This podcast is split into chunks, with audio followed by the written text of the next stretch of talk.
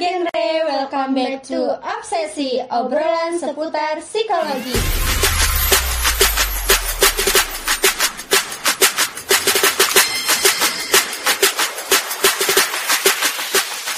Halo Sobat Genre, welcome back to Obsesi. Obrolan seputar psikologi. Oke, halo.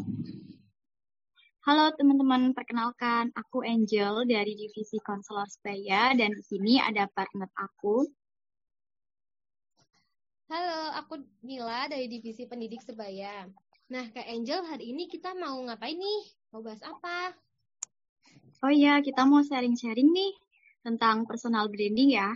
Nah, buat kalian pendengar setia obsesi, ada yang tahu nggak nih apa itu personal branding? Wah, pembahasan kali ini asik ya, Kak? Iya, Kak, betul banget. Apalagi di masa seperti ini ya, Kak. Pas banget nih temanya. Dengan perasaan kita atau dalam diri seseorang pasti punya perasaan ingin diakui oleh orang-orang sekitar ya.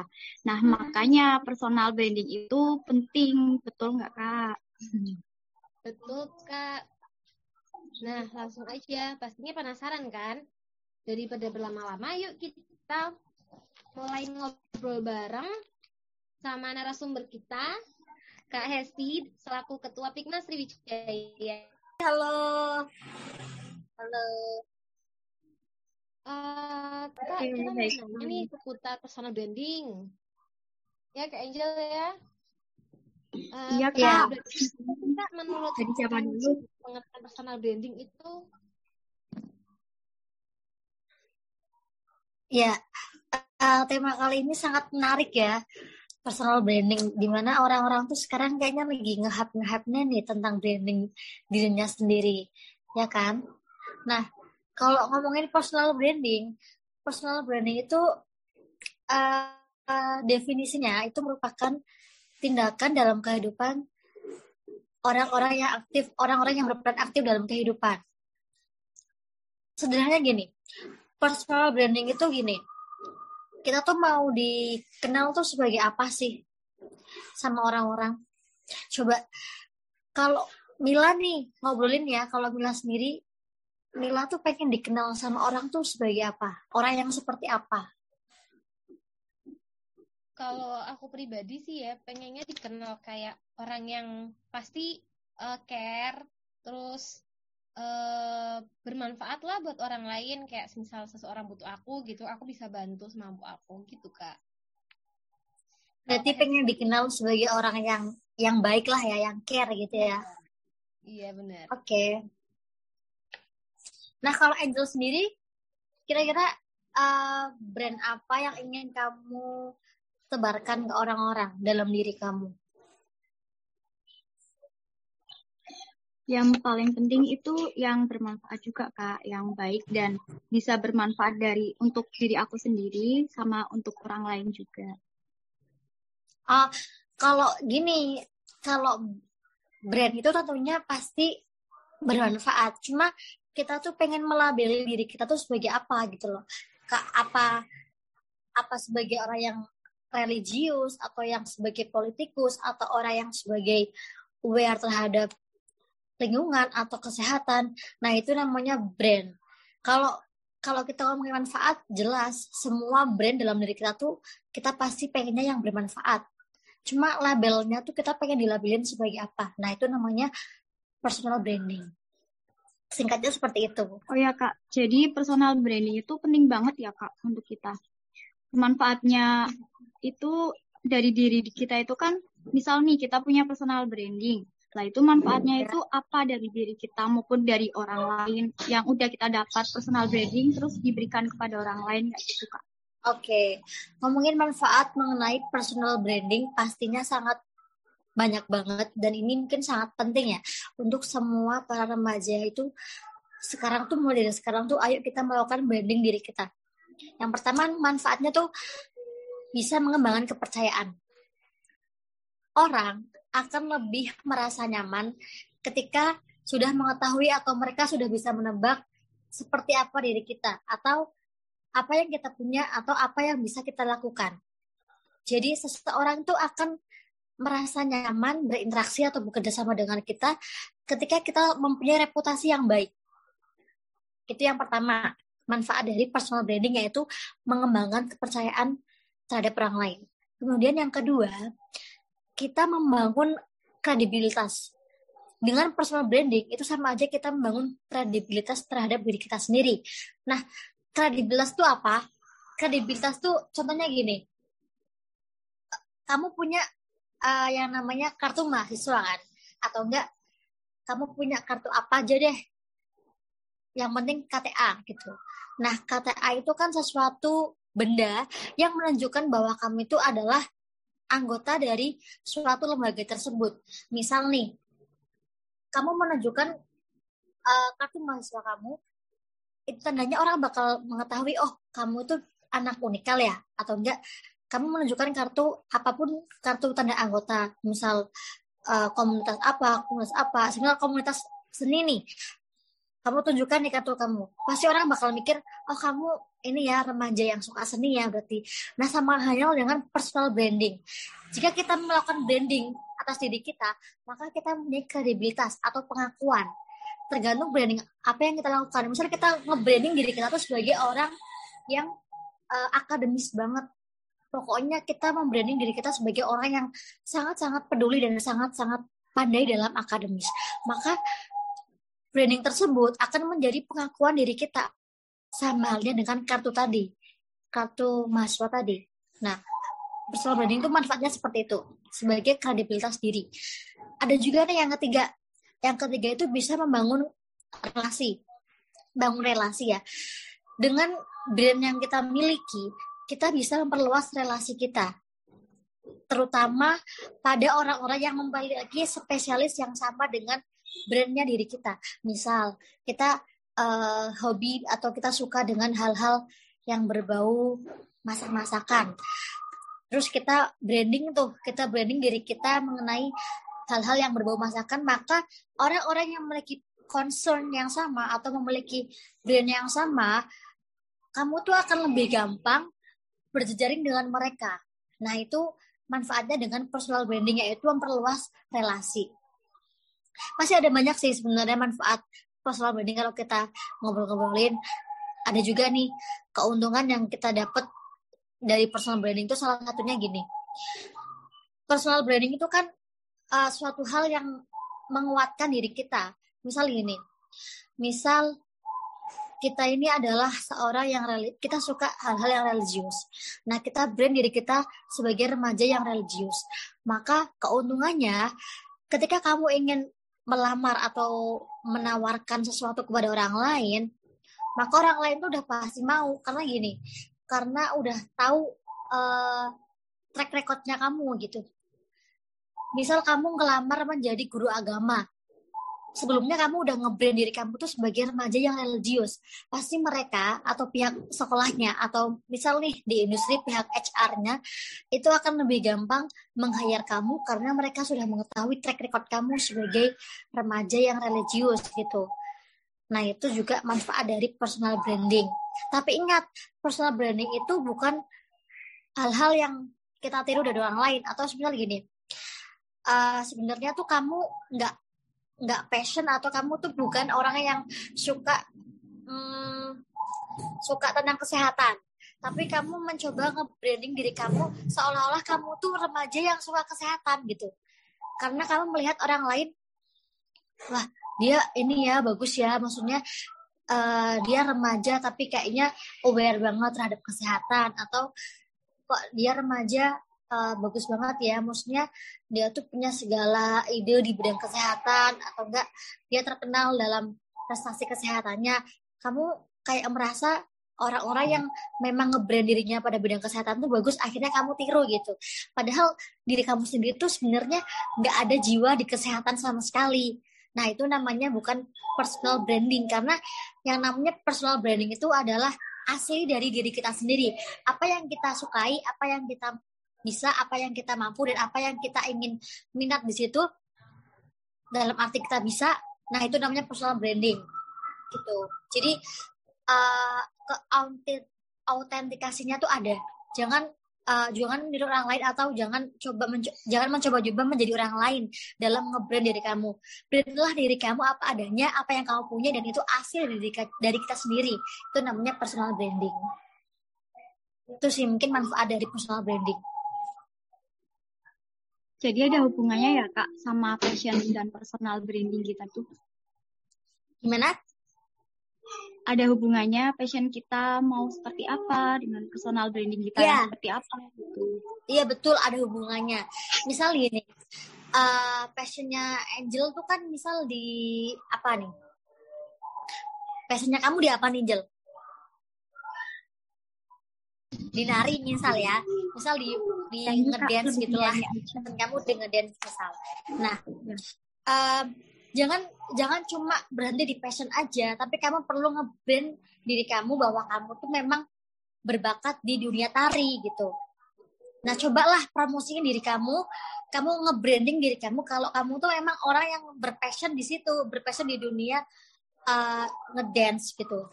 Dengan cara dengan cara berbagai macam cara kamu bisa melakukan untuk nge-branding diri kamu.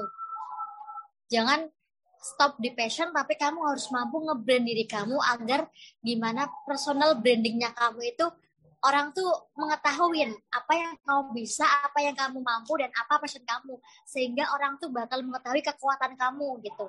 Dengan orang mengetahui kamu, maka kelemahan-kelemahan yang kita punya itu bakal tertutupin. Sebenarnya kita tuh punya banyak kelemahan. Cuma ketika kita uh, melakukan personal branding, kekuatan kita akan menonjol sehingga menutupi uh, beribu-ribu kelemahan kita. Nah, itu juga manfaat dari personal branding. Oke, makasih Kak informasinya.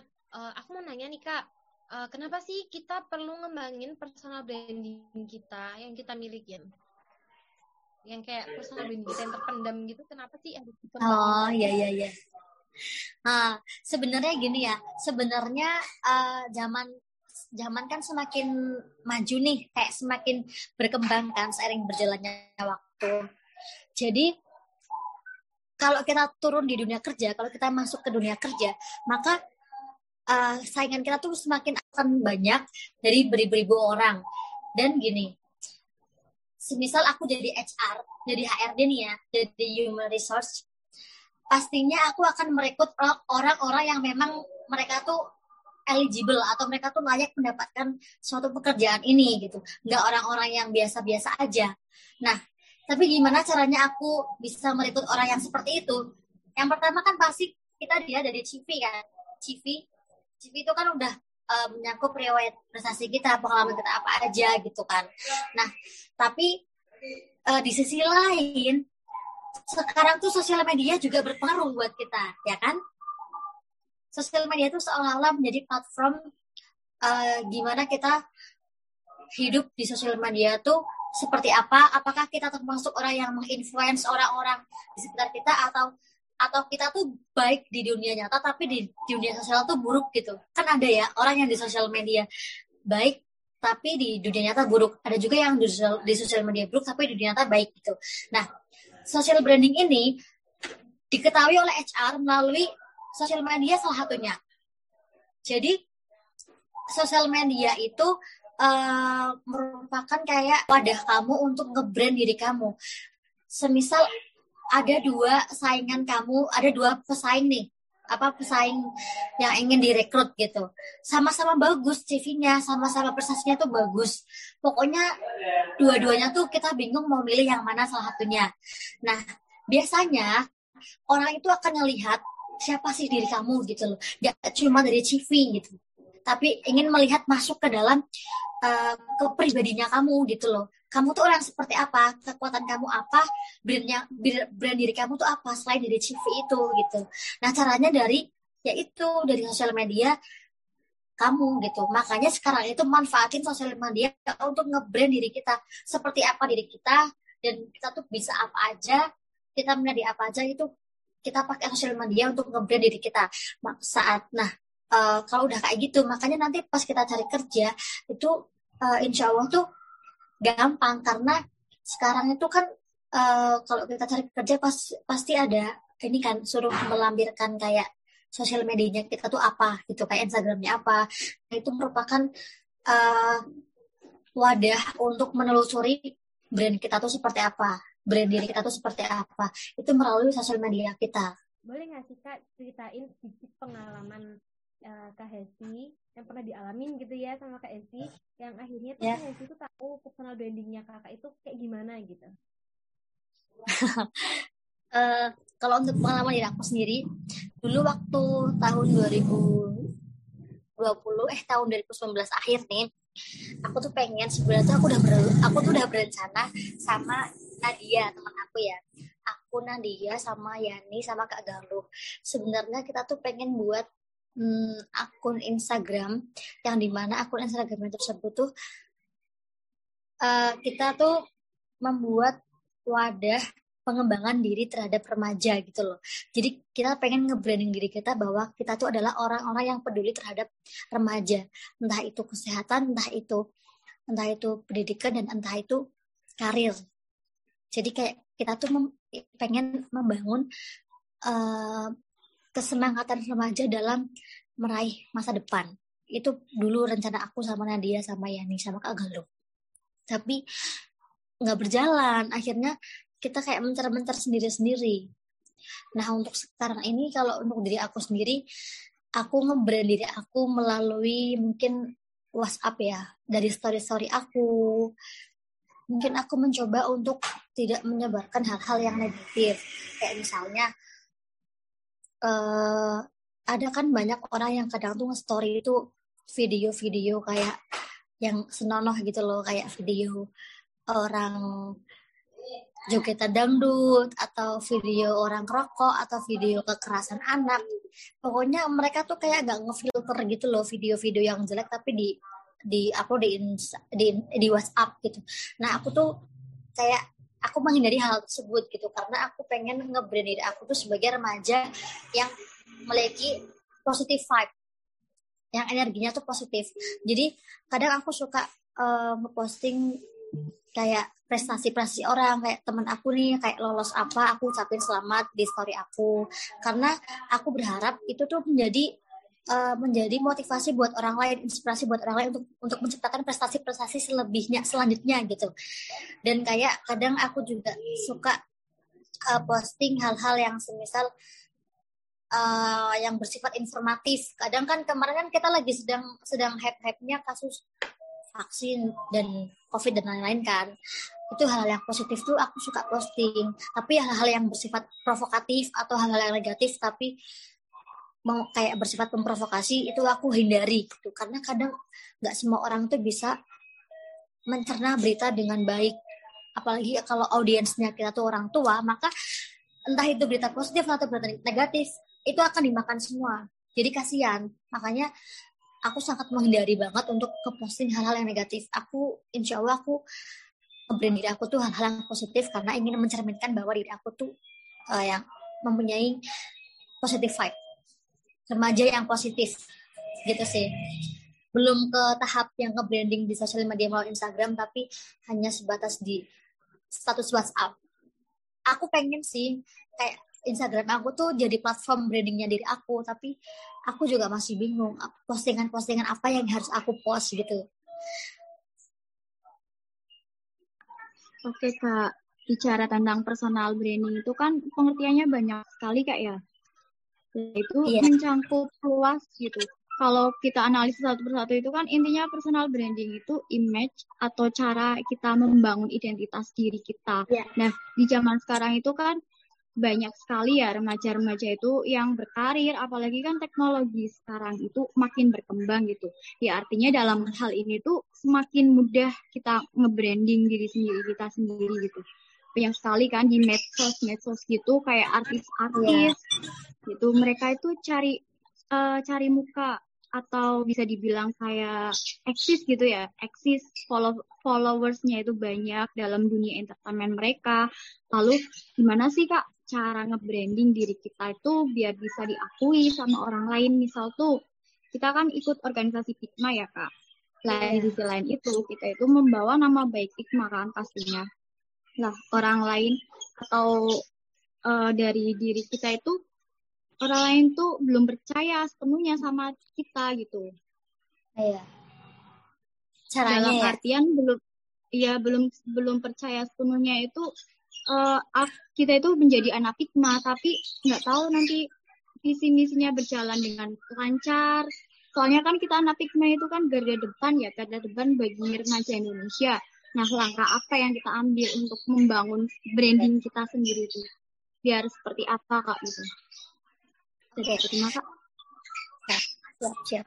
Jadi gini ya, eh, sebenarnya step awal kita untuk membangun personal branding itu harus kenalin diri dulu, kenalin diri kita sendiri, kenalin dulu diri kita sendiri. Who am I? Kayak siapa sih kita gitu? Apa eh, ketertarikan kita tuh pada bidang apa? Dan karakter kita tuh seperti apa? Dan kita tuh cenderung ke mana?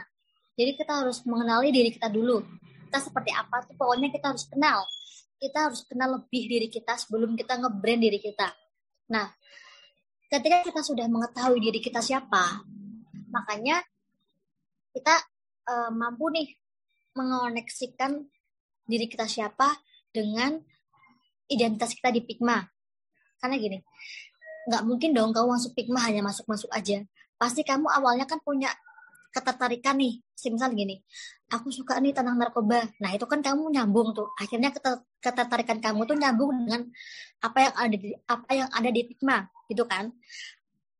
Jadi gini. Jadi pokoknya eh, sambungin dulu apa yang ada dalam diri kita, ketertarikan apa yang ada dalam diri kita terhadap Pikma itu sambungin dulu. Pokoknya kalau hatinya kita udah nyambung dengan Pikma, maka nanti akan jadi satu misi sama Pikma. Misi diri misi diri kita sama misinya Pikma itu akan nyambung, akan bareng, akan berjalan bersama. Nah, ketika udah berjalan bersama, maka ya udah langkah yang selanjutnya maka kita ngebrand diri kita melalui orang sekitar dulu. Orang sekitar dulu. Yang pertama, secara offline ya. Jadi kayak kalau kita udah eh, jiwa kita tuh udah sebagai anak Pikma banget, udah anak genre banget, makanya kita kan harusnya punya jiwa yang hidup sehat ya remaja yang hidup sehat dengan menghindari kalau kita cowok maka kita menghindari rokok ya kan? Kalau kita cewek maka kita menghindari uh, seks pranikah. Kita menghindari uh, apa namanya nikah dini dan lain-lain. Itu bermula kita bermula dari kita membuat mencontohkan uh, perilaku-perilaku genre di sekitar orang, di sekitar kita gitu loh. Maka nanti orang akan melihat kita bahwa oh dia itu remaja yang benar-benar sangat idealis dengan kesehatan. Dia aja menghindari pernikahan dini karena dia takut kalau nanti janinnya akan uh, bermasalah. Dia aja nggak bergaul bebas gitu loh. Dia aja nggak nak main narkoba. Artinya artinya dengan kita uh, menerapkan atau kita mempromosikan kepada orang-orang sekitar, maka orang-orang itu udah akan menilai kita tuh siapa gitu. Oh, dia tuh begini-begini, oh dia tuh bagus loh gitu. Maksudnya dia itu remaja yang baik-baik aja loh. Maka orang sekitar tuh akan menilai kita tuh remaja yang memang remaja berencana gitu. Menghindari hal-hal yang uh, yang semestinya tidak, tidak kita lakukan sebelum waktunya itu tiba atau menghindari hal-hal yang tidak diinginkan karena beresiko sangat fatal gitu orang-orang sekitar kita akan menilai. Nah, kemudian jika kita sudah uh, menciptakan circle yang positif di lingkungan sekitar kita, maka kita mulai menebarkan hal-hal positif di sosial media. Bisa melalui Instagram, WhatsApp, Twitter, dan lain-lain. Caranya ya kita ngepost hal-hal yang berkenaan dengan genre. Kayak kalau kita lihat duta genre itu kan pasti mereka selalu ngepost ya. Kayak uh, cara menghindari toxic circle itu bisa kalau enggak uh, growth mindset atau atau apa fixed mindset itu apa? Kita intinya selalu menyebarkan hal-hal positif yang itu tuh bersifat informatif kepada remaja yang audiens dari sosial media kita. Kita berharap dengan kita menyebarkan informasi-informasi tersebut maka remaja itu akan terpengaruh dengan apa yang kita posting gitu maka mereka tuh bakal menganggap bahwa kita tuh sebagai remaja, kita tuh remaja yang sangat-sangat peduli akan kesehatan remaja gitu. Karena dari postingan kita aja udah bagus banget gitu loh. Masih orang bakal ngira gini. Oh, dia ini ya apa namanya? Dia bagus banget ya. Maksudnya kayak gini. Ah, dia itu hebat banget ya gitu loh. Masih muda tapi postingannya tuh udah bagus banget, udah tentang kesehatan lah, ngajak kita untuk hidup sehat, ngajak kita untuk memenuhi gizi yang baik, nggak yang ngepost hal-hal yang aneh-aneh atau hal-hal yang nggak berguna gitu gituan itu udah udah ngebrand diri kita itu udah udah termasuknya personal branding. Dengan kita ngepost ngepost hal-hal positif apa yang kita suka dan apa yang kita tekuni yang tentang genre itu maka mereka bakal udah ngecap kita sebagai remaja genre. Karena pasti uh, apa yang kita post itu udah pasti mencerminkan apa yang kita suka dan apa yang kita inginkan apa yang kita passion di situ Itu sih yang mungkin jawabannya aku. Oh iya Kak Esti, sebenarnya macam-macam dari personal branding sendiri itu apa aja Kak? Macam-macam. Uh, sebenarnya nggak terbatas sih. Maksudnya tuh personal branding tuh kalau menurut aku nggak ada macam-macamnya. Intinya hanya satu, kita melakukan kegiatan promosi atas diri kita sendiri. Karena kalau dibilang macam-macam, pasti kecenderungan orang tuh berbeda-beda dan sangat bermacam-macam. Jadi tergantung diri kamu sendiri, kamu tuh pengen dikenal orang tuh seperti apa dan uh, orang tuh orang tuh pengen yang bagaimana terhadap diri kamu. Nah itu udah menentukan macam dari personal branding itu sendiri. Kalau menurut aku nggak terbatas karena bermacam-macam jenisnya tergantung apa yang orang sukai dan apa orang dan apa yang dia bisa yang untuk ngebrand diri mereka gitu. Karena sifat aja kan bermacam-macam ya, karakter orang atau uh, bidang orang itu sangat unlimited gitu, nggak terbatas sih. Mungkin caranya yang ada banyak. Kalau untuk jenis uh, personal brandingnya, menurut aku sih bermacam-macam, gak ada batasnya. Terserah diri mereka sendiri ingin ngebrand diri mereka seperti apa.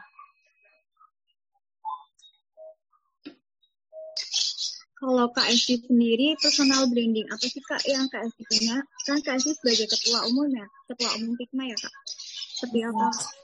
Uh, yang yang udah tadi aku bilang tadi ya, yang yang tadi pertanyaannya Mila, kalau aku sih aku nggak ngebrand diri aku sebagai ketua enggak, cuma aku berusaha untuk ngebrand diri aku sebagai remaja yang positif.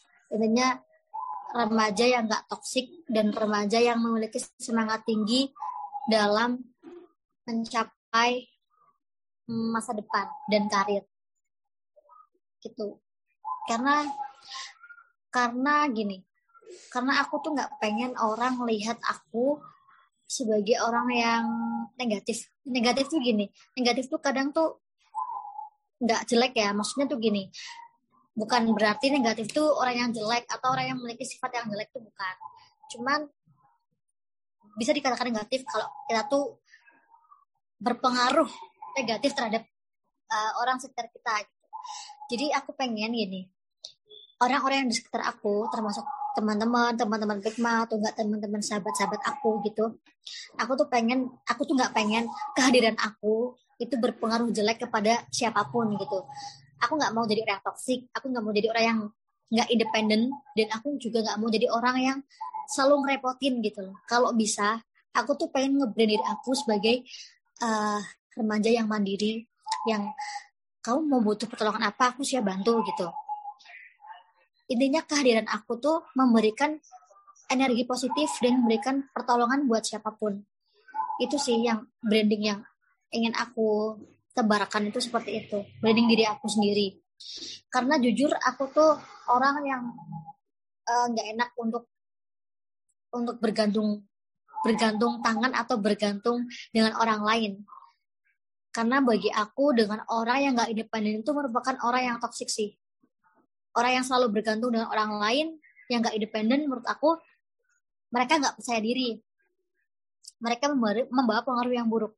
Bagi aku mereka toksik jadi aku selalu uh, percaya bahwa aku ingin ngebrand diri aku sebagai orang yang positif. Gitu. Jadi itu contoh yang baik itu ngaruh banget ya untuk kita ya kak? Iya. Gak hanya perlakuan gak hanya perlakuan tapi sosial media kita juga. Makanya uh, kadang kalau mau posting hal-hal negatif tuh kadang aku pikir dua kali tiga kali empat kali lima kali gitu. Kadang nggak semua orang tuh ngerti apa maksud kita gitu loh. Kadang mungkin gini kadang maksudnya kita tuh baik tapi orang yang nggak paham itu berpikiran negatif. Jadi kadang ah nggak usah lah nggak usah posting gitu. Takutnya nanti malah dia berpikiran negatif atau gimana gimana Iya kak betul banget. Iya sih, Padahal kitanya itu, padahal kitanya itu berpostingan yang positif, tapi pikiran mereka itu yang aneh-aneh gitu, yang enggak enggak dari kita. iya. Hanya daripada udah daripada uh, banyak multi multi interpreta, interpretasi mending ya enggak lah gitu enggak lah gitu. Mending nggak usah aja lah postingan yang yang semua orang tuh bisa menangkapnya positif gitu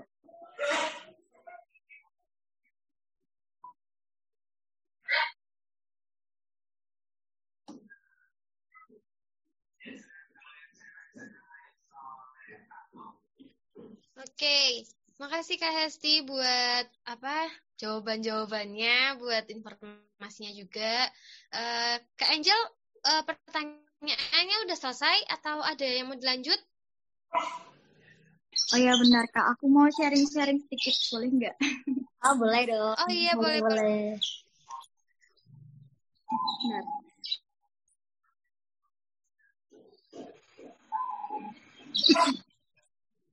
Jadi itu gini kak, dari pengalamanku sendiri nih, aku mau cerita tapi aku malu. nggak apa-apa cerita aja Jadi itu aku kan dulu itu waktu zamannya aku sekolah kan kak. Pernah pernah tuh pernah dan sering banget terlambat waktu zaman zamannya aku sekolah gitu. Nah jangan ditiru nih nakal banget. Iya, iya. Nah secara Sama tidak langsung itu iya secara tidak langsung itu otomatis ngebuatkan ngebuat citra diri aku itu diri aku sendiri itu kayak malu Susah gitu. gitu yang malu-malu ya Iya, di pemikirannya teman-teman aku sama guru-guru aku kan jadinya itu ya apa berpikir yang enggak-enggak dari aku seperti kayak aku pemalas lah, tidak disiplin lah gitu. Padahal ya aku enggak kayak gitu, cuma itu tanpa aku sadari doang kak sebenarnya gitu. Lah personal branding ini tuh menjadikan nama baik, nama baik aku tuh sebagai seorang siswa yang dulunya aktif ya nggak terlalu aktif-aktif banget sih, cuman aktif biasa gitu. Ya jadinya itu tertutup dengan personal Iya. branding aku yang negatif ini gitu. Dan akhirnya aku aku tuh pa- paham gitu, paham bahwa menciptakan personal branding yang baik dan positif itu menjadikan segala urusan menjadi lebih mudah, iya betul menjadi betul, lebih betul. mudah dan bisa mengukur begitu saja, mengukur dan mengalir dengan sendirinya gitu kak. Nah aku nggak tahu itu itu gimana, itu personal branding aku gimana itu. Eh, untuk hal-hal yang misal kayak Angel tadi dibilang pemalas dan lain-lain itu mungkin itu bukan personal branding termasuknya karena itu apa namanya karena itu bukan hal yang kamu niatkan gitu loh. Itu kan terjadi karena memang bukan ya nggak kamu sengaja gitu kan ya kan? Itu bukan termasuk personal Hmm. branding tapi itu hanya eh, apa namanya perspektif dari orang lain. Nah kalau personal branding itu kamu bisa melakukan hal-hal yang untuk mengembalikan nama baik kamu. Itu namanya personal branding. Yang darinya kamu dicap sebagai pemalas terus akhirnya kamu kayak eh memperbaiki itu semua dengan dengan kamu lomba-lomba misal menang menang ini menang menang itu. Nah akhirnya citra kamu tuh udah nggak jadi pemalas tapi citra kamu tuh berubah menjadi mahasiswa yang berprestasi. Nah akhirnya eh, reputasi kamu sebagai mahasiswa pemalas itu eh, terkubur atau nggak tertutupi dari prestasi-prestasi kamu. Gitu sih. Maksudnya tuh ketika kita sudah dicap jelek makanya kita harus berusaha untuk nge-branding diri kita bahwa aku tuh nggak sejelek yang kalian pikirkan tapi aku tuh punya sisi baik loh. Nah itu waktu yang tepat untuk nge-branding diri kita agar capan jelek itu tuh tertutupi gitu. Gitu sih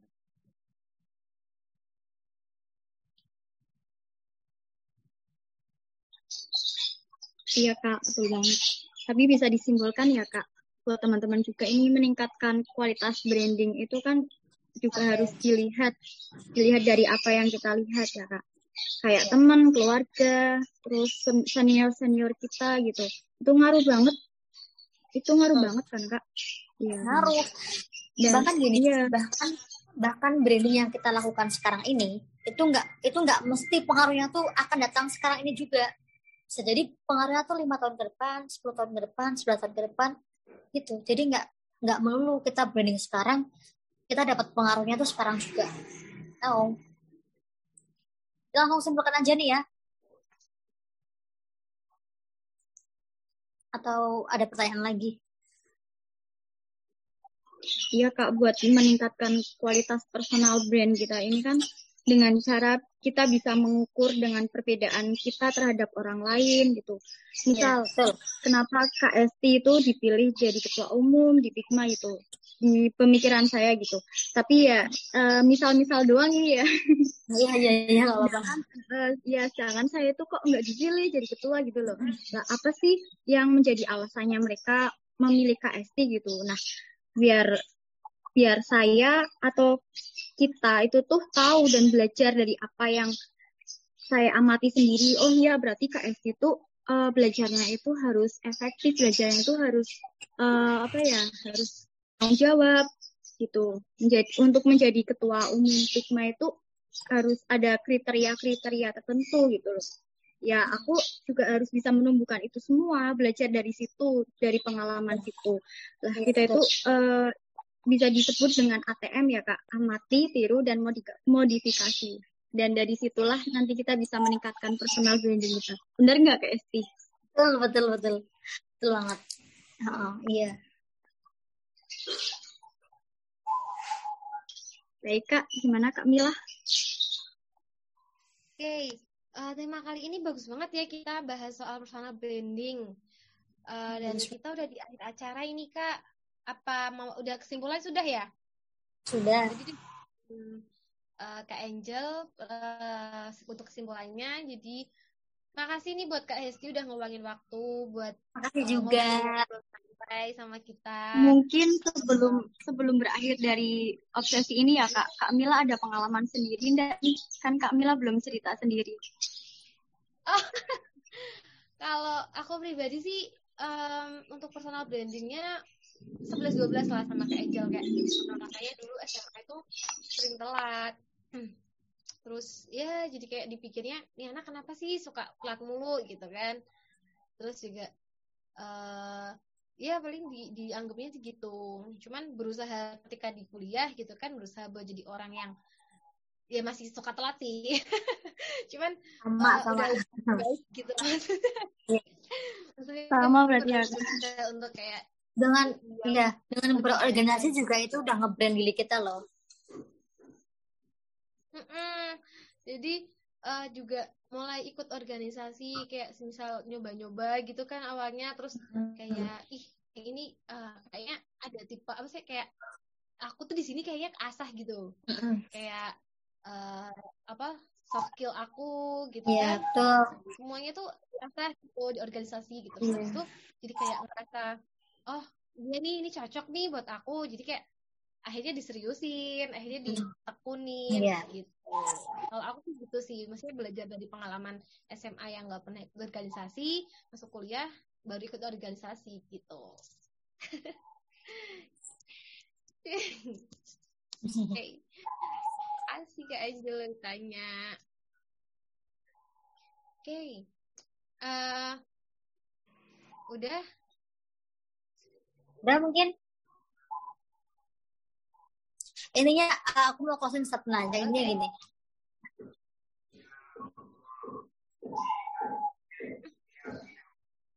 Silakan kak halo halo. Halo suara saya kedengaran enggak gimana? Kedengaran. Angel? Oke. okay. Gimana Kak? Lanjut. Uh, cuma closing statement aja ya. Mungkin gini, mungkin uh, ayo semuanya para remaja uh, jangan habiskan waktu kalian untuk di zona nyaman kalian. Tapi jangan lupa kita harus menciptakan branding branding apa yang kita punya gitu. Kita harus melakukan personal branding agar nantinya di masa depan kita kita itu dipercaya orang bahwa kita tuh orang yang memang layak untuk mereka percaya. Dari sekarang kita harus ciptakan. Jangan nanti-nanti. Iya, bagus banget Kak pesan dari Kak Esti. Karena menurut aku ya, kepercayaan itu emang harus dibangun dari sejak dini Emang. biar kalau Betul. suatu ketika ada orang yang ya kayak ngomong yang nggak baik soal kita gitu ya, kan orang lain udah percaya duluan sama kita gitu. Iya, betul. Iya. Kekuatan, jadi kekuatan kita akhirnya. Iya. Benar. Oke, Kak Angel, udah cukup? Apa ada yang mau dibahas lagi?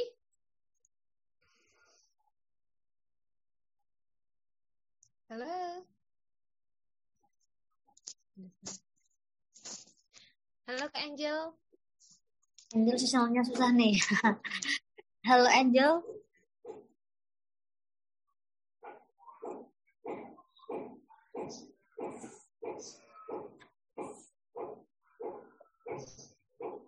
Ya Kak, sudah cukup.